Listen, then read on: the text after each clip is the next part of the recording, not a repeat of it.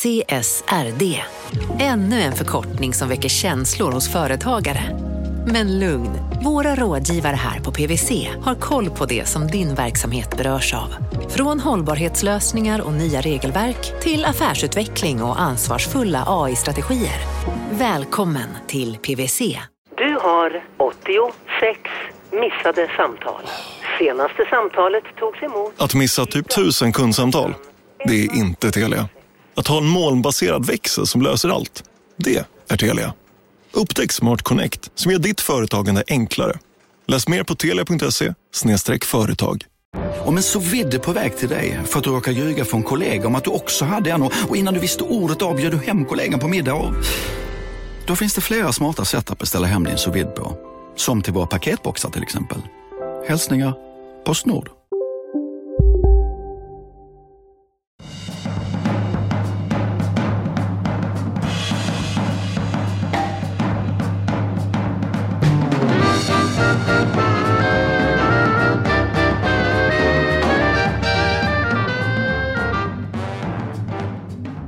Hej och gott nytt år och hjärtligt välkomna till Kapitalet idag med mig Gunnar Harjus. Och med mig Jakob Bursell. Gott nytt år Jakob.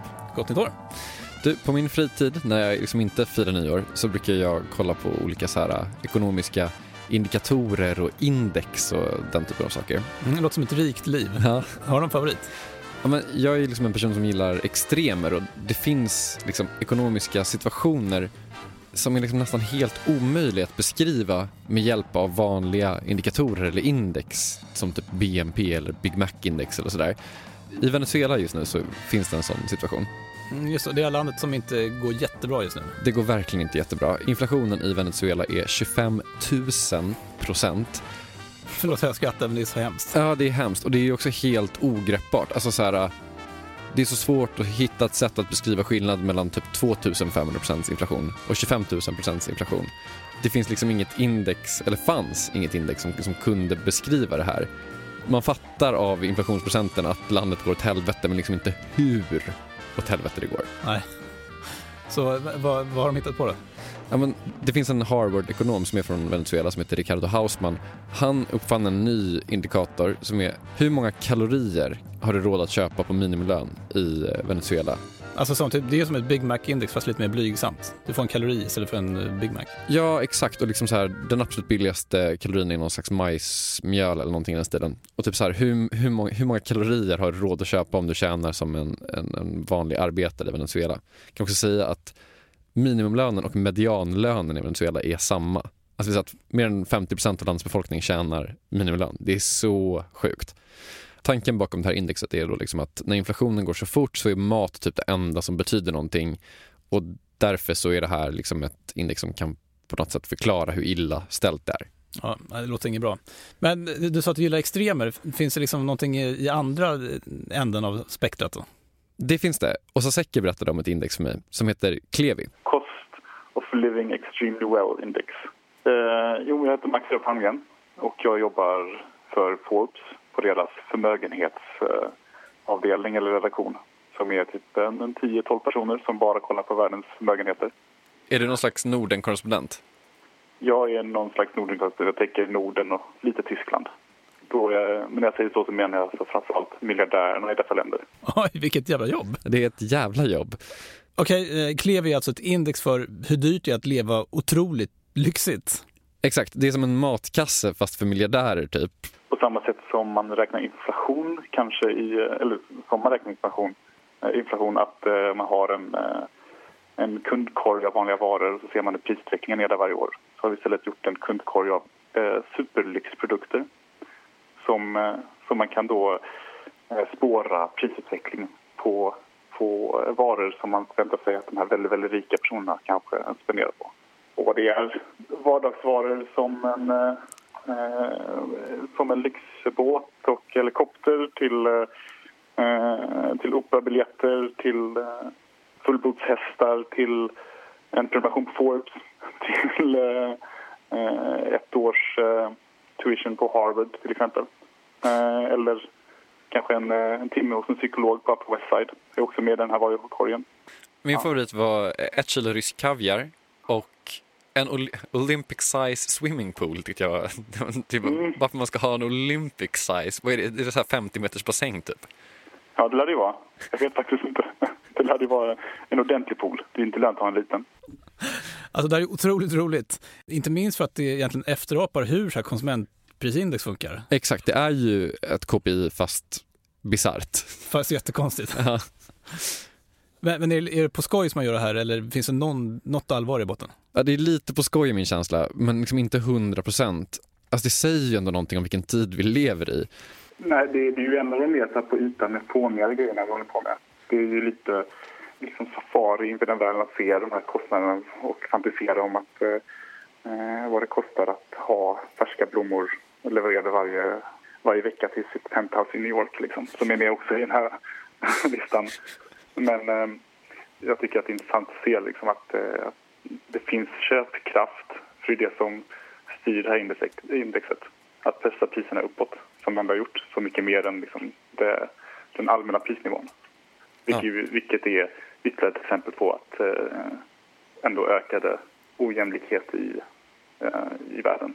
Vad man kan så här, över tid se är ju att, att den här äh, produktkorgen med äh, alla de här lyxprodukterna är ju, äh, ökar ju i kostnad mycket hög, i högre takt än vad vanliga produkter kostar. Jag tror att det går, att inflationen på de här produkterna går i snitt sen 82 2,3 procent högre än vanlig inflation. Och det låter jättehögt. Men i relation kanske till de förmögenheterna som är i toppen i världen så blir de ändå utklassade där. För att vi har ju sett att eh, snittet på de här 400 rikaste amerikanerna, eh, deras nettoförmögenhet sedan 82 har ju ökat med 950 procent jämfört med då 500 procent högre priser på de här produkterna. Så att det är Ja. fortfarande De helt, råd. det är fortfarande helt okej billigt att vara rik. Det är fortfarande helt okej billigt att vara rika. Ja, gud vad skönt. Eh, Inga, ingen själv var orolig för Jeff Bezos exempelvis. Nej, är det Bezos vi jobbar eller jobbar man Bezos? Har jag, Bezos, jag vet inte, ingen aning. Hur som helst, det här, Am- Amazon Jeff. exakt. Det här berättar jag inte bara för dig för att det är en kul grej utan för att det har också lite med dagens avsnitt att göra. För att en av artiklarna som är med i den här matkassen eller i KPI eller whatever, det är en En Jules Ademar, eh, Audemars kanske den heter, Jules Audemars, en självuppdragande klocka i eh, 18 karats eh, rosa guld med en eh, alligator eh, skinnsarmband. 22 700 dollar. En klocka helt enkelt. en klocka. Och anledningen till att vi ska prata om just klockor idag och inte menar, olympiska simbassänger, det är att det här med klockor, det är en väldigt speciell marknad. Bara som en snabb grej, jag har bett mig till ett auktionshus och där har jag fått lära mig att klockföretag, de tjänar pengar på det som säljs som de inte tjänar pengar på. Eh, vadå, Alltså, de, de tjänar pengar på något som säljs, eh, men som de inte tjänar pengar på. Och tycker du det låter konstigt så är det bara början. För i den här världen kan också ett fel vara mer värt än ett rätt och det kan vara fullt rimligt att syssla med kapitalförstöring för 4 miljarder kronor. Denna bisarra värld efter det här.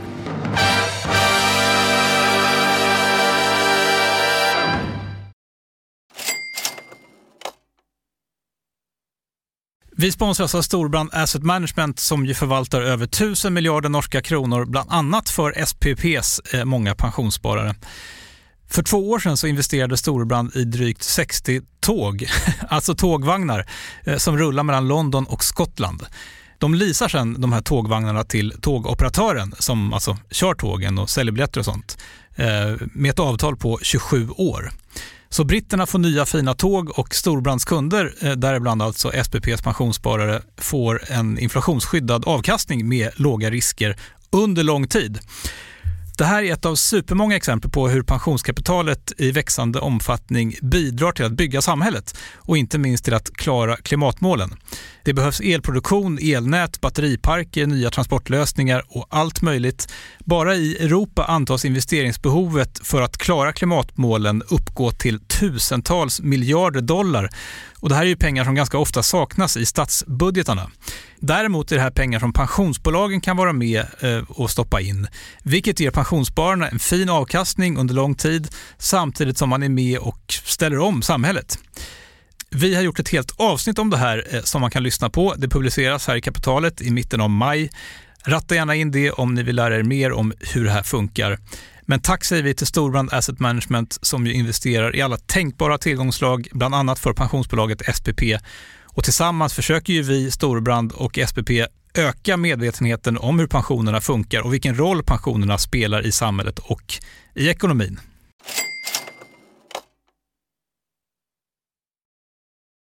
Okej, så du smet ut från kontoret en dag och eh, begav dig till ett auktionshus för att lära dig mer om en ja, ganska galen värld, eh, klockvärlden. Mm. Specifikt då den begagnade klockvärlden eftersom jag då åkte till ett auktionshus. Jag åkte till Kaplans mitt i stan och träffade Georgios Batselas. Han är chef för klockvärderingen där. Och ibland håller han också i själva auktionerna som är på Kaplans i de här liksom vanliga lokalerna. Det är en ganska så smal avlång sal och så är det en massa vanligt folk som bara är där för att få sina saker värderade. Och längst fram så är det ett gammalt sånt podium i klassiskt mörkt trä. Här sitter alltså auktionsförrättaren. Vi bygger om här så att det blir liksom som en auktionssal. Eh, så att alla stolar och bygger vi hela. Så på kvalitetsauktionerna så är det, alltså det finns inte en plats som är ledig. Det sitter folk överallt, alltså runt här, runt kanterna. Vi har kollegor på, både på den och på den sidan och har emot, eh, tar emot telefonbud. Så det är kaos här alltså. Eh, men det är en ganska liten lokal, man tänker man får plats med ganska mycket folk här. Men som liksom verkligen som man tänker sig en klassisk Ja, auktion. ja. Och jag sitter ju antingen auktionsförrättare eller, eller bisittare. Så det är två personer som sitter här. Och just den stämningen, det är helt, det går inte att beskriva. Den är magisk. Alltså det är som att sitta i en film. För jag ser ju liksom, inte bara, jag, ser inte, jag hör inte vad de säger alltid, men jag läser ju kroppsspråk och det är liksom den spänningen eh, som är under för varje eh, objekt som dyker upp och budgivningen och eh, är ju liksom, det går inte att beskriva hur, hur, hur häftigt det är liksom. Man kan verkligen Nej, det, det är obeskrivligt. Just med att jag ser allting. Jag har ju liksom mitt ansikte mot allt. Så det, ingenting jag, jag, jag, jag, inte, jag missar ingenting liksom. Är det liksom som en amerikansk film där det sitter en gubbe på ett podium och pratar så här otroligt fort, man fattar ingenting, och så konstiga signaler liksom, one dollar for you sir, bla, black hat, bla bla bla bla bla bla bla.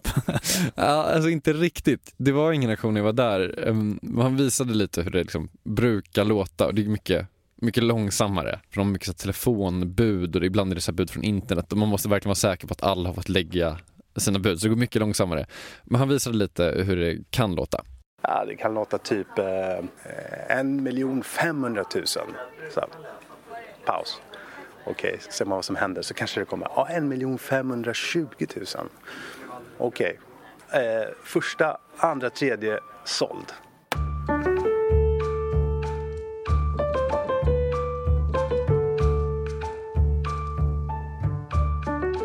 Men du fick honom ändå att ta fram den här hammaren. Yes. Georgios rör sig väldigt så här vant och ledigt bland alla smycken och klockor och svärd som för övrigt finns där i den här lokalen. Eh, och vill han knacka lite med hammaren så får han. Han har jobbat på Kaplans i tio år och eh, han har varit chef där i tre. Och under den här tiden så har det hänt någonting med klockmarknaden. Alltså den har ju boomat, alltså det har ju gått helt galet för varje år sen, alltså just det här vintage-grejen är ju väl den som framförallt har eh, dragit iväg kan man säga. Förståelsen för gamla klockor, uppskattningen och så jag tror att det har att göra mycket med hur, hur världen ser ut idag med att informationen är ganska eh, tillgänglig tack vare internet och det är lätt att eh, och hitta, eh, ta reda på information och lära sig. Det finns så mycket forum som helst. Det finns eh, eh, ja, olika typer av artiklar som skrivs hela tiden om klockor. Auktionerna har blivit eh, häftigare och det är där de oftast går, och, går att köpa de här. Eh, så eh, jag skulle säga Alltså de första som började med, med att för, förstå det här med gamla, det var ju lite italienarna faktiskt. Eh, och det är väl någonstans på 70-80-talet eh, som de första auktionerna för, för armbandsur började hållas. Sen har det där eh, växt hela tiden och, och, och det kom väl igång på 2000-talet på riktigt skulle jag säga. Där fler och fler började eh, hålla just sådana auktioner. Och idag är det ju galet hur, hur det ser ut. Eh, det är ju som en happening varje gång de stora auktionshusen, de kör ofta samtidigt de här auktionerna. Så Eh, vi får se vad, hur långt det, om det är liksom i början, det är det som debatteras ganska mycket om. Är det här bara, pikar vi nu eller är det bara början? För jag brukar alltid jämföra med, med smycken för att där har jag hållit på med betydligt längre. Eh, och smycken står ju mycket, mycket högre än vad klockor gör sett i vad, vad de klubbas för på auktionerna. Jag tror att det är svårt att nå upp till smyckena och de priserna som vissa smycken går för. Men eh, vem vet? Men den här boomen då, alltså vad handlar den om? Om man skulle lägga en sån här vinterklocka i vår påse, vår lyxpåse, vårt lyx-KPI, vad skulle hända då med indexet? Alltså den skulle typ påverkas lite ändå. Det har liksom stigit mycket. I och med att många sådana här klockor säljs privat eller inte säljs alls så finns det liksom inga så officiella siffror. Men det Georgios har koll på är liksom auktionerna och där har det hänt grejer. Vi har liksom klockor som vi har sålt för en eh, visst antal år sedan så, som eh, samma klocka i princip eh, går för det dubbla eller för betydligt mer eller ännu mer än det dubbla. Så, så, så att, eh, självklart, så, så att, eh, ser vi Finns det någon specifik klocka som, ja. du, som du har tänkt på liksom är så här, shit, hur, nu har den här skjutit iväg liksom? Eh, det har varit lite olika, man kan säga att Hoyer, eh, det är ju dagens Tag Heuer, ett märke som eh, idag så, eller för tre år sedan ungefär så började de dra iväg så många började uppskatta de här mer. Och de var lite, man hade lite grann glömt bort dem. Så att, låt oss säga en Hoyer Autavia sålde vi för kanske fem år sedan motsvarande skick för 20 000 och eh, några, sen 2015 då började dra iväg så gick en sån kanske för 100 000. Eh, och nu ligger de på ungefär den nivån. Så där har det planat ut lite grann. Så det är ett bra exempel. Men det är ändå en femdubbling liksom? Ja, precis. Eh, men om vi ska ta Rolex som ju är ett jättebra exempel så är det ju ännu värre egentligen. Eh, jag kan ta för exempel där. Ta en, en Submarine från 70-talet. Det finns ju så många olika så det är svårt att ta Submarine som en referens. Men det finns ju väldigt mycket nördiga detaljer där. Och beroende på vilken modell det är så kanske en sån gick för 50 000 och idag kan det vara liksom flera hundratusen. Så att där är, där är liksom eh, utvecklingen ännu galnare än eh, till exempel Hoyer som jag nämnde innan. Shit, verkligen en stor skillnad. Det är verkligen en stor skillnad. Men jag tänker liksom, det finns så många saker man kan investera i. Jag menar, vi på kapitalet har investerat i guld och turkiska lira. Ja. Varför skulle man köpa klockor? Ja. Alltså, varför inte ett smycke eller ja, Ja, eller lira. Eller lira. Ja, för att det har gått sjukt dåligt på våra lira, tror jag, eller? Jag vet inte. Nej. Men det finns ganska många teorier kring det här och liksom kanske inget så här supersatt svar. Jag har faktiskt några teorier själv och kanske kommer lite till dem. Men jag tror att vi kanske måste höra Georgios bara liksom prata om vad en klocka är för honom för att man ska liksom kunna förstå vad det här handlar om. Jag kan säga att Georgios också är bilfantast och många av hans kunder älskar också bilar. Och han tror att de här två sakerna kan ha med varandra att göra. Jag tror att det kan ha att göra med det mekaniska i det. Alltså att det, det är rätt fascinerande att en ganska liten sak kan visa tiden eh, ganska exakt. Och du kan dessutom eh, paketera in det i flera funktioner i den här lilla, lilla mekanismen egentligen. Och att det just är en mekanism som eh, du kan ha tidtagning, du har datum, den visar tiden rätt, rätt exakt. Sen är det ju också ett, ett eh, smycke någonstans, eh, får man inte glömma bort. Och någonting som visar, precis som med bilar, ta, jag tror att det är en statement. Eh, har du en, en gammal 911 från 70-talet så är det ett statement. Och den, den kör på ett visst sätt, den har en, ett visst ljud, den har en viss känsla. Ungefär samma sak med, med klockorna eh, skulle jag säga. Nu kan du inte köra en klocka men det, själva design och eh, kvalitet och sånt går att jämföra. Eh, så att, eh, någonstans är det ju också en, en eh, statussymbol skulle jag säga. Och jag tror verkligen att Georgios ringer in ganska många av de saker som verkligen gör klockor så liksom värdefulla för många. Ja, men alltså det här med mekaniska, det tror jag också på för att det är fascinerande att se hur någonting bara funkar. Alltså de här kugghjulen som är så små att man inte ens kan se dem. Att de rör sig så perfekt i takt och att man kan höra det perfekta liksom, klickande ljudet. Det, det är liksom tillfredsställande på något sätt. Verkligen. Samtidigt som det såklart också är ett smycke och de är liksom fina på utsidan också, kanske har diamanter eller så. Men många av de här klockorna som är värda mest, de är liksom framtagna för praktiska syften. Det finns liksom så här astronautklockor eller dykarklockor eller motorsportsklockor. Och då måste man också göra så små förändringar ibland, även i klassiska modeller för att det ska passa ett visst syfte. Och det tänker jag gör liksom klockor till det ultimata samlarobjektet. Alltså så det finns liksom klockor med små variationer, typ någon av romerska siffror istället för arabiska siffror på urtavlan. För det behövdes i något speciellt sammanhang och då gjorde man typ tio stycken och så blev de värda mer bara därför. Ja men typ. Jörgens berättade att eh, det var någon klocka som han fick in där det saknades någon form av, jag tror han kallade det för ventil. Jag fattar inte exakt vad det var. Och då trodde man att det var ett fel på klockan.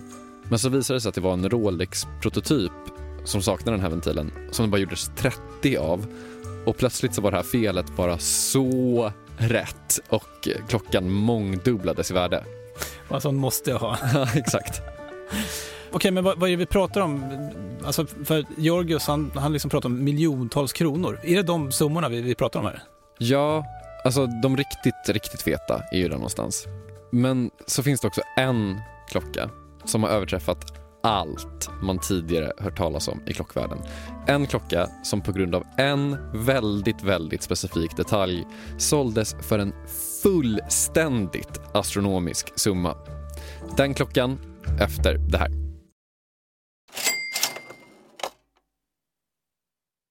Kapitalet sponsras av Master Exchange, plattformen där du som privatperson kan investera i låtar och får pengar varje gång de här låtarna spelas. Eh, vi berättade ju senast eh, om barnlåten Puff the Magic Dragon som noterades av Master Exchange under våren. Nu har utdelningen på den låten kommit, eller royaltyn som vi säger i musikbranschen. Eh, den ligger på drygt 12% i årstakt och det här är ju en avkastning som är helt okorrelerad till börsen. Till och med Goldman Sachs har börjat skriva om just musik som investering just ur det här perspektivet. Nu finns en möjlighet att investera i en ny låt. Eh, låten heter Boss Bitch och den är av Doja Cat eh, som, eh, alltså jag ska inte säga att jag är superdeep här men eh, det är ändå en, en, person som jag vet om det är. En, en världskändis. Den här låten gav baserad på förra årets spelningar en avkastning på drygt 13% Master Exchange har just nu en väntelista på registreringar. Det, det, går lite för bra för dem kan man säga. Men skriver ni in kapitalet som promo code så kan ni runda kön och ansöka om andelar i låten Boss Bitch ändå. Om ni investerar helt vanliga pengar, det är inget krypto eller sånt där, så vill du investera i musik och få en avkastning som är helt okorrelerad med börsen och kanske inte minst för att det är kul att äga låtar, eh, så kan man gå in på masterexchange.com och använda kapitalet som promocode så går man alltså förbi kön. Kom ihåg dock att alla investeringar är förenade med risk, men vi säger stort, stort tack till Master Exchange. Kapitalet sponsras av Karla, Jakob. Ja, bilar igen. Ja, det är eh, härligt. På Karla kan man sälja sin elbil eh, på det gissningsvis smidigaste sättet i Sverige. Eh, Karla har ju ett nästan ett komiskt högt användarbetyg på Trustpilot. Mm. 4,8 av 5, vilket jag typ aldrig hört talas om. Nej, det är väldigt, väldigt högt. Eh, man knappar in lite info om bilen på sidan, sen får man en gratis värdering och ett bud. Accepterar du budet kommer Karla och hämtar upp bilen gratis och sätter in pengarna innan de kör iväg. Inget mer än så. Rätt fantastiskt. Nej, det är faktiskt ja. helt otroligt. Och eh, det kan bli ännu mer eh, otroligt än så. Eh, för att vi har nämligen en rabattkod som ger dig 2000 kronor extra för bilen. Så att om du säljer din bil så får du två lax extra. Stämmer. Bara sådär. Eh, koden är Monopol och eh, den uppger du när du har värderat bilen och eh, pratat med Karlas inköpare. Koden är giltig till sista maj så att passa på om du går i säljartankar. Jag undrar om vi haft en kod som har gett två lax bara sådär någon gång. Nej. Det är helt otroligt. Man behöver en bil förvisso. Absolut, så det är inte, kanske inte bara sådär, men det är ändå 2000 kronor extra. Väldigt bra. Ja. Så sälj din elbil eller laddhybrid till Karla. Du får 2000 kronor extra med rabattkoden Monopol. Eh, hoppa in och kolla på karla.se Karla Museet. Där kan man också köpa bilar ska jag tillägga. Verkligen. Vi säger stort tack till Karla. Vilken är världens dyraste klocka? Okej, okay, jag tror vi behöver lite backstory här. En klockälskare skulle förstå vad jag pratar om nu genom att vi bara säger två ord här egentligen. Paul Newman.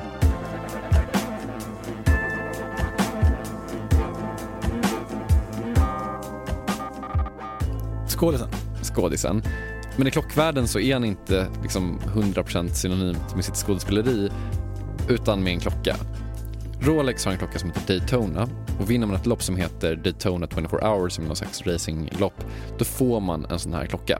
Eh, han var ju med och tävlade. Han spelade in en, en film och blev motorsportsintresserad i ganska hög ålder. Och eh, när man vinner Daytona 24 hours så får man en Daytona. Eh, alltså en Rolex Daytona. Eh, men han hade fått den från sin eh, fru. Hon hade ju också graverat baksidan Drive carefully, lite kul. Men den gjordes ju i massa exemplar och den här speciella urtavlan som han hade som lite art deco-design, det är svårt att beskriva den. Den kallas då för Paul Newman och den finns i lite olika referenser. Får jag gissa vad som hände? Kör. Man hittade Paul Newmans egna Paul Newman-klocka. Vill du höra? Ja. Well, without exaggeration, this is, to many here in the room, the most iconic Rolex wristwatch in the world, possibly most iconic wristwatch of the 20th century. Ladies and gentlemen, I'm extremely humbled to offer to you lot number eight. It is the one and only Paul Newman of Paul Newman. Okej, det här är när man säljer den och hela den här auktionen är så bizarr. Utgångsbudet är en miljon dollar, men utroparen hinner knappt säga klart liksom one million dollars innan... Äh, lyssna bara på det här. At one million US dollars that someone left with me earlier who... One million. Ten. Ten. Tiffany.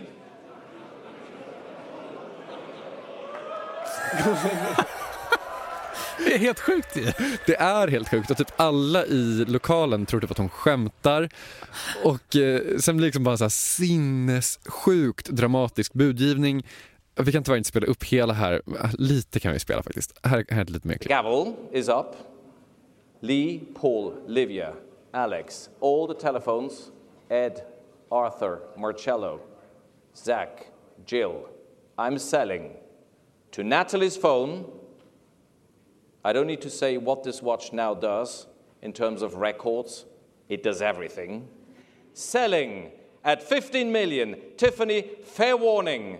The Paul Newman, 6239, 15 million. Last chance, Tiffany.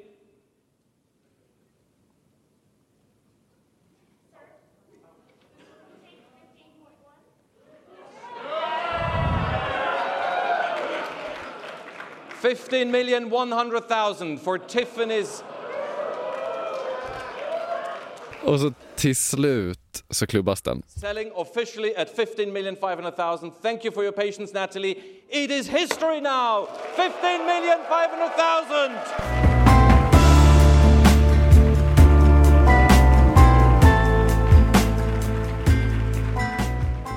Med kommission och skatt och sånt 17 miljoner dollar. Det är helt förbluffande. Det är förbluffande.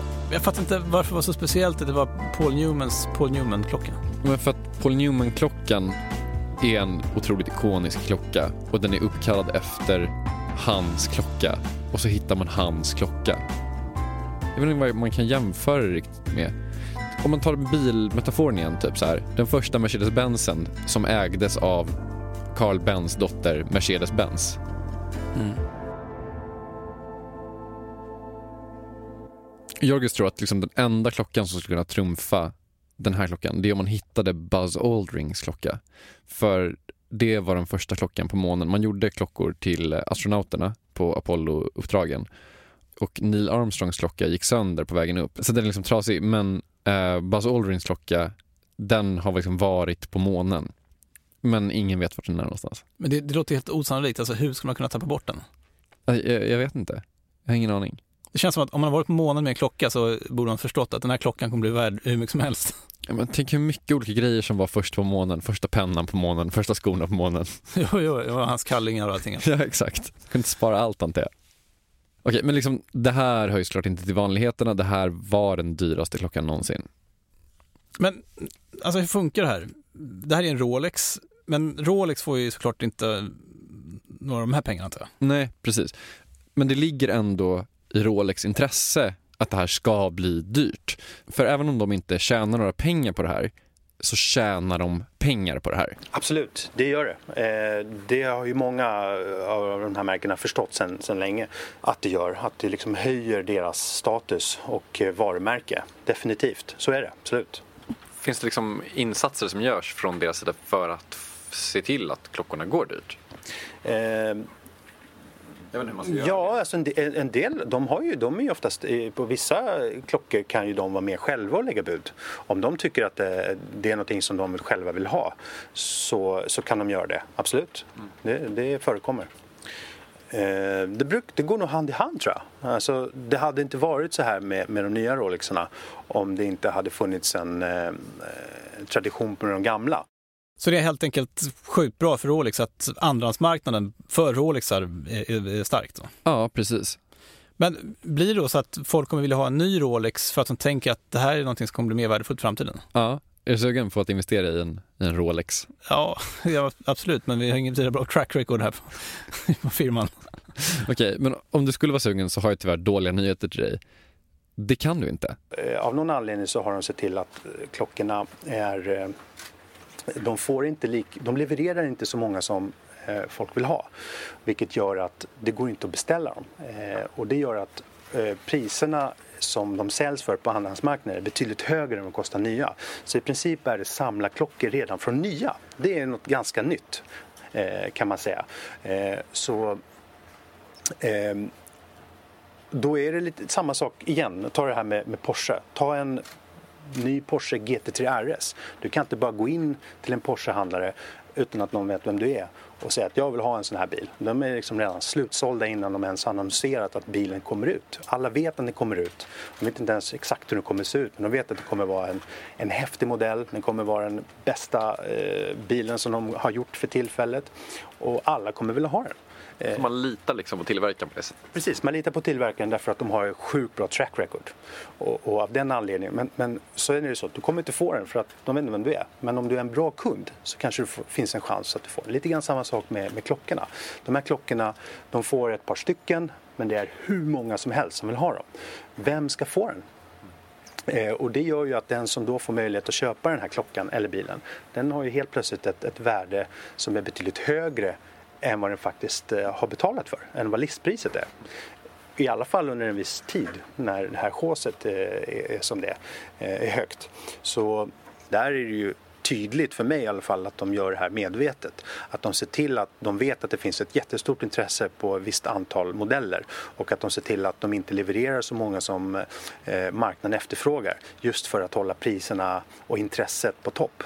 Att man skulle kunna sälja 500 av en klocka men man, man lägger bara ut 50 liksom. Ja, absolut. absolut. Det, det är jättetydligt att det är på det sättet. Alla vill ha den senaste GMT'n som det är nu, som en Rolex-modell till exempel. Men går du in till, eh, till någon av återförsäljarna för Rolex och frågar så här, jag, jag, jag vill beställa en GMT, Pepsi som den heter. Då kommer de ju i princip, du, borde testa det alltså. Testa det. Gå in till, till Nymans. Nymans ur, Ja, gör det. Säg hej. Men det vore ju askul. Jag vill beställa den nya GMT Pep- Pepsin och läs deras kropp, kroppsspråk efter. Ja, Om du, du kommer se att de kommer vilja kasta ut dig, för de kommer ju såklart inte göra det. Men för den frågan får de säkert 30-40 gånger. Och, och om du sen ställer frågan, men kan du skriva upp mig på en lista? Då kommer du se att det kommer börja liksom rycka någonstans. I, Men, men det, där, det betyder ju också att de kan liksom inte växa mycket som helst. Nej. Eh, Utan de kan bara växa i takt med att folk liksom, ja, i takt med att eh, folk med lite pengar får mycket pengar eller att befolkningen överlag växer. Ja. Så man håller utbudet lågt eh, för att efterfrågan ska vara ofantligt mycket större. Så man liksom spelar det långa spelet här. Man vill inte ha liksom snabba pengar. Nej, de här jävla schweizarna klarar liksom alla marshmallow-tester på jorden som finns. Det är helt sinnessjukt. Vissa går till och med ännu längre. Eh, Cartier, som är en smyckes och klocktillverkare, The Guardian skrev häromsistens att Cartier hade köpt tillbaka klockor från butiker till ett värde av 4 miljarder kronor över två år. Allt det här för att hålla efterfrågan hög. Man liksom resonerar så att det är för skadligt för varumärket Cartier om klockorna skulle säljas till någon slags reapris.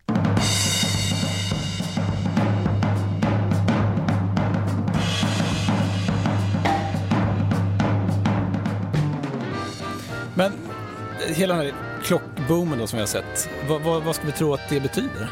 Alltså jag tänker typ att det är de sakerna vi varit inne på, att klockor är liksom väldigt bra samlarobjekt men också så här att det har växt så mycket det måste ändå ha att göra med det vi pratade om i början med Klevi och liksom Forbes 400-grejen.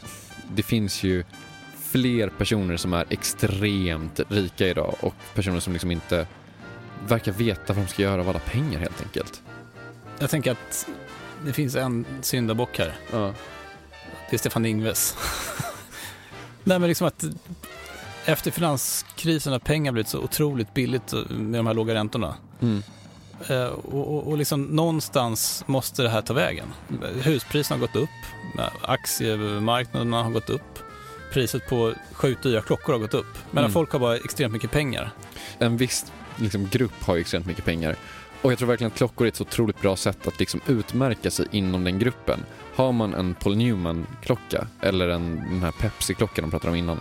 Att det är liksom så här ett sätt att visa att jag är inte bara vilken riking som helst, jag är också en riking med klass och stil och har koll och kan saker om heritage som de pratar om hela tiden i den här svängen. Liksom. Ja, och man kan ju också tänka sig att eh, ren spekulation, men den här marknaden kanske korrelerar rätt bra med, med eh, konstpriserna. Det tror jag verkligen. Eh, Det finns ju verkligen en sån eh, liksom liknelse med den här eh, andrahandsmarknaden där. Typ, det finns en, konstnär, en svensk konstnär som heter Karin Mamma Andersson. Ett av hennes verk såldes för var, ja, ett tiotal miljoner kronor. Och det är liksom en av de dyraste svenska tavlorna som sålts de senaste 20 åren eller någonting.